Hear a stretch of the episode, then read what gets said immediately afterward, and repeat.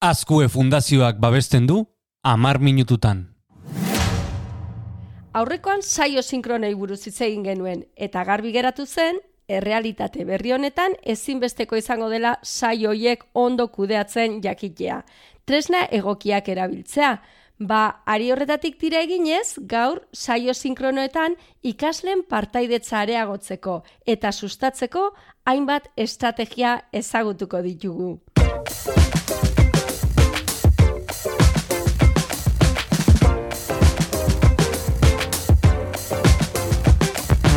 Maite goni naiz, eta hau, amar minututan da.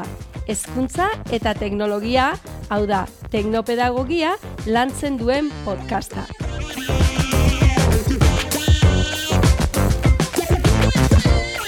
Kaixo, Oier! Kaixo! Pentxe gare, ez ditugu oraindiko porrak hartu eta jarraitzen dugu zereginean ernetatinko, baiet? Du, dudi gabe ez dakit oporroiek iritsiko dian, batzutan pentsatzen dut e, e, utopia bat dela. bueno, lasai, zu lasai, keep calm.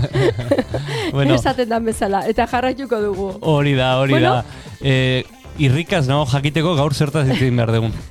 Bai, hola, errepaso azkar-azkar bat, badakizu azken aldin ikena igala, ba, aurrez aurreko irakaskuntzatik, ba, nola pasa hibridora, ez? Mm ba, pandemia garaian behar hori oso oso nabarmena izan delako. Orduan, itzein genuen aurreko batean plataformen inguruan, gero nola ipini sekuentzia didaktikoak, sekuentzia didaktiko hietan nola jarri gure azalpenak bideon grabatuta, nola egin jarraipena, eta azken saioan itzein genuen, ba, uno sink, e, une sinkronoetara iritsi ginen, goatzen bali ba, zertarako erabili saio sinkronoiek, ez beharko genuela en, eh, bideokonferentzia e, plataforma bat, eta horrelako gauzei buruz aritu ginen. Ba, gaur nik uste dut, zerbait oso oso e, interesgarria ba, itzegi edo komentatu behar dugula, ez?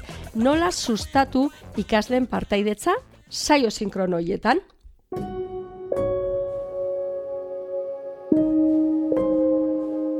Gogoratuko dugu, e, batez ere ni bezalako jendearentzat, baldin badago, e, saio sinkronoak direlai, ikaslekin batera, naiz eta distantzira egin klaseak, batera egoteko momentua, ez? Horixe da. Hau da, e, ba, esaten diegunean koment, e, konektatzeko ba, behatzietatik amarretara, amarretara, ez? Eta gian, ba, azalpen bat eman nahi diegu. Ba, orduan, komeni da, ez badakigu askotan ikaslek agian ipintzen dutela kamera eta guk aurrean ditugula, baino agian mugikorrarekin egon daitezke txateatzen edo beste mm. zerbait ikusten, elitzateke lehenengo aldia izango, ez? Bai urruneko irakaskuntzan eta bai aurrez aurrekoan, ez? Gu azaltzen egon eta besteak ba, beste zer zerbaitetan. Ordun, komeni da estrategia multzo bat eskura izatea, ba horrelako momentu horiek ba saiesteko deskonexio hori. Ordun, ni azaltzen ari naiz urrunean, e, ingurune digitalean, baina e, aldiro aldiro ba zerbait egin dezaket beraien eskatzeko beraien partaidetza. Ba horrelako estrategia batzuk landu behar ditugu gaurkoan. Gustatzen zaizu gaia? Pila bat gustatzen zait eta e, benetan esate dizut, e, interesgarri iruditzen zait, ze oso zaila iruditzen zait horrelako distantzia batean eta e, ba, interes hori mantentzea, ez? Da nola lortu, e, bueno, teknika horiek ikasiko ditugu, ez? Bai, bai, bai. Eta gainera, esan behar da ez dala bakarrik irakaskuntzako kontu bat. Edozein, e, edozein urruneko bilera hauetan, egin ditugunak hainbeste pandemia garaietan, ba, laneko edozein bileratan egin liteken zerbait da, eh? Mm Ez dala, ba, hori ere esango dugu, edo norentzat interesgarria izan litekela. Ba, guazen arira, lehenengo estrategia izan liteke, hasiera hasieran egin dezakeguna da, imaginatu denak konektatzen ari dira eta momentu horiek izaten dira ba denak hor ez gaude aurrez aurre eta denak isilik edo denak mm, ez daki nola. Ba ordun egin dezakeguna da denak konektatzen diren bitartean eta bar e, txatean beti plataforma hauek e, bideokonferentzia plataforma hauek txat bat izaten dute aldamenean ezta? Ba ordun txatean hasi galdera informat bat e, ipin, e, ipintzen, orduan idatzi, ba, zer modu zaudete, eta orduan, ba, beraie joaten dira, ba, ainoak, ba, jo ondo ni hementxe, edo beste norbaitek, orduan, mm -hmm. horrek ja, e, ba, pixka bat apurtu egiten du, ezta, ostasun hori, hasierak hori. Eta beste bat izan liteke oso interesgarria, e, ba, agian beraiek egon balin badira, etxean guk esan behalin badiegu aurretik, aldez aurretik ikusteko bideo bat, ba, guatzen zea aurrekoan nola egin genuen horren inguruan, bai. ba, esaten diegu, ikusi gure azalpen hau, eta orduan, aprobetsatu dezakegu hasierako momentu horiek, esateko, baduzue bideoaren inguruko galderarik, eta zalantzarik badago, eta orduan, txat bidez, edo mm, jaso galdera horiek, eta gero gu komentatzen joan gaitezke.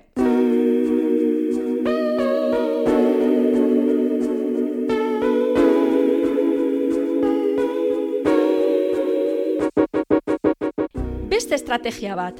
Ordun, hasieran baita egin dezakeguna da pedagogian beti oso interesgarria izaten da aurrezagutzak aktibatzea. Hau da, guk landu behar dugu gai bat eta gai hori buruz zer dakiten jakitea, ez? Ba, gutxi gora bera guk planteamendu hori ikusteko nundik nora bidera dezakegun. Mm. Ba, demagun, e, gure eguneko gaia, e, saio sinkrono horretan, aldi bereko saio sinkrono horretan, euskal literatura garaikidea dela. Eta ordun galdetu dezakegu txatean, zein da gaur egungo zure autorerik gustukoena? Edo ze liburu irakurri dezu azkena? Edo norbaiti liburu bat gomendatzeko tanu da honetan irakurtzeko edo? E, zein ikaskide bati zein liburu gomendatuko zenioke. Ordun, e, garrantzitsua da galdera hauek egiten ditugunean, ba oso galdera zehatzak izatea, ezta? Hemen ez aiari gai bat lantzen sakontasunean, baizik da pixka bat momentu bat, ba beraiek parte hartzeko. Ordun, interesgarriena izaten da, ba, beraiek e, esaten bali badute ba nik aholkatuko nuke, e, ez daki zein liburu. Ba, arkaitzkan horren fakirraren ahotsa adibidez, ez? Bai. Na, ordun, e, irakaslea joan litek esan ez ba. Oierrek esaten digu e, fakirraren ahotsa, jo, ze liburu ederra den egia esateko.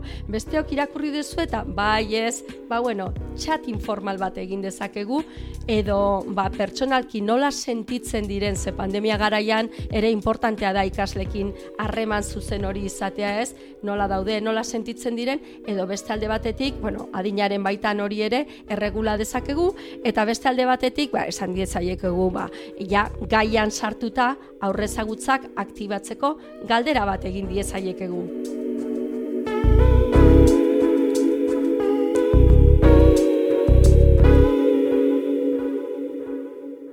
Etortze zait burura Twitch eta gamerrak, ez? E, baita ere, e, bueno, badakit ez daukala agian e, tematikan zer ikusirik, baina e, Twitch bidez e, jokuan, jokuetara jolasten e, emititzen ari mitartean, txatak aktivitatea eukitzen du, eta askotan horrelako e, e, planteamenduak edo egiten dira txatean, e, ba, bueno, e, komunikazio hori bultzatzeko.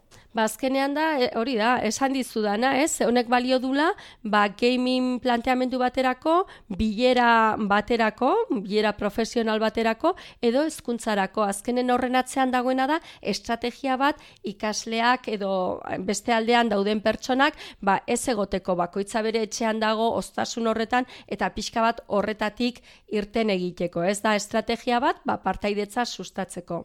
Maite, niri benetan interesgarri iten zait, e, teoria entzun da gero, e, hori aplikatzeko e, planteatzen dituzunean erramentak konkretuak. Ba, importantea da, orain gozaigean, ba, txata erabili dugu, ez dugu aparteko mm. ezer behar, ez? Baina beste estrategia bat izan liteke, brainstorming tresna bat erabiltzea.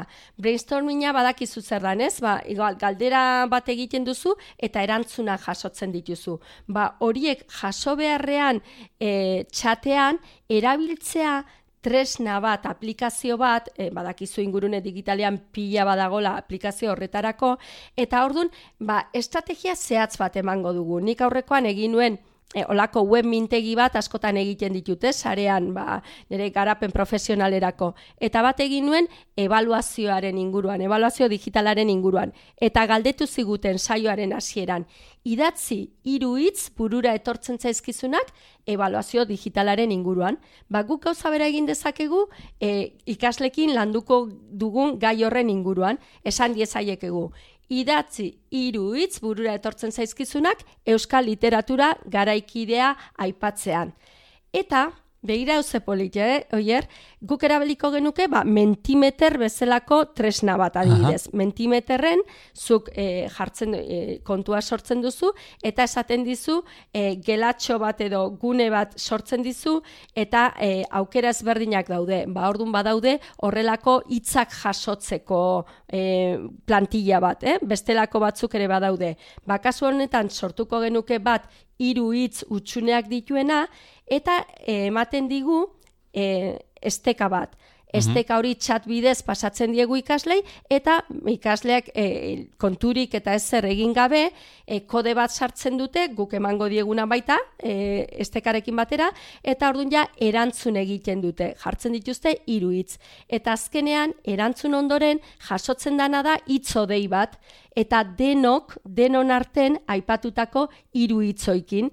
Eta badakizu, hitzodeiek iten dute, zenbat eta aldi gehiagotan atera bat handiagoan ikusten da, edo txikiagoan. Orduan oso bisualki, ikus litezke, ba, jendeak zer duen buruan, da brainstorming hori egiteko modu bat. Orduan hau izango litzateke, txata planoan erabili beharrean, horrelako tresna bat erabiltzea, ba, denon iritziak jasotzeko. Eta marileran, eukiko genuke olako irudia handi bat bezala ikaslek momentuan bertan erantzuna bidaltzen dutenean ikusten dute handian, panel bat bezala, ba, denon artean esandako hitzoiekin. Mm Ordun, estrategia hau oso interesgarria da horrela aplikatzeko hasieran eta amaieran, saioaren amaieran.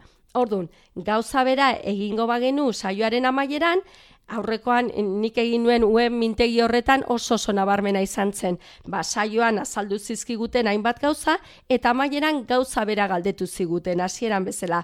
Eta bi hitzodeiak sortu zirenak gure erantzunetatik, ba, e, erabat ezberdinak ziren. Horrek esan nahi du, saioaren garapenean jasotako ideiak eta bar, ba, oso interesgarriak izan zirela guretzat, ez? E, aldatu egin genuen e, bai iztegia eta bai pentsamendua.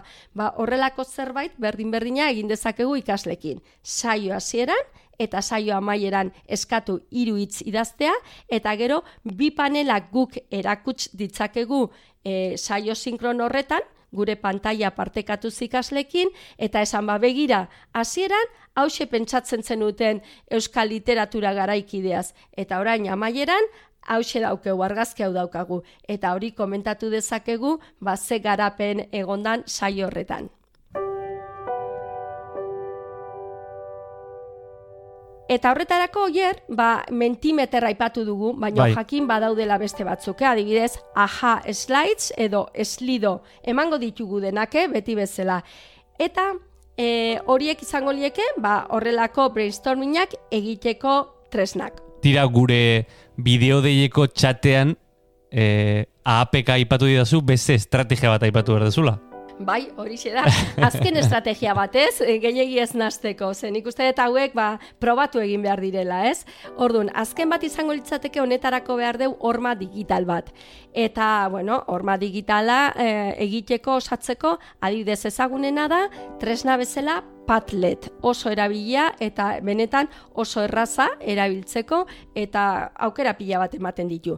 Baina, e, zein da estrategia?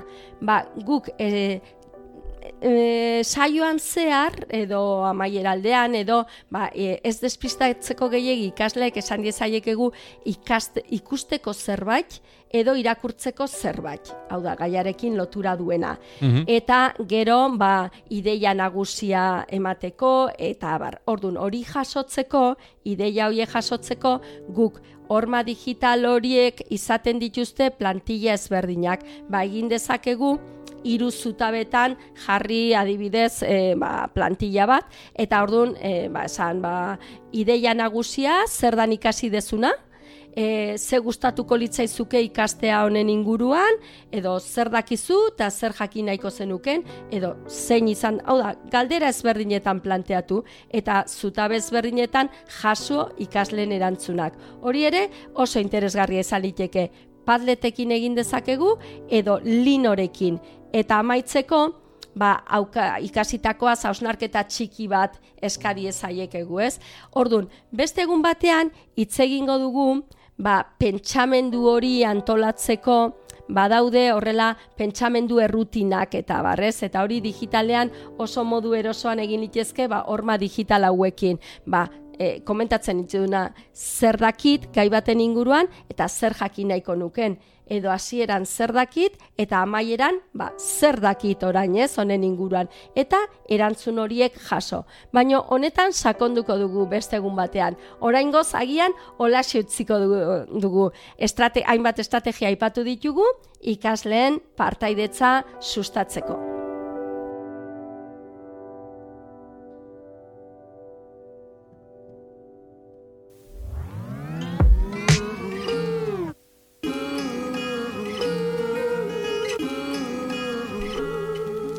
Ba, gaurkoz, e, hause, estrategia batzuk aipatu ditugu, ikasleen partaidetza sustatzeko, eta nik usten dut hauek oso baliagarriak izan litezkela, ba, e, gure ingurune digitale honetan, ba, aritzeko.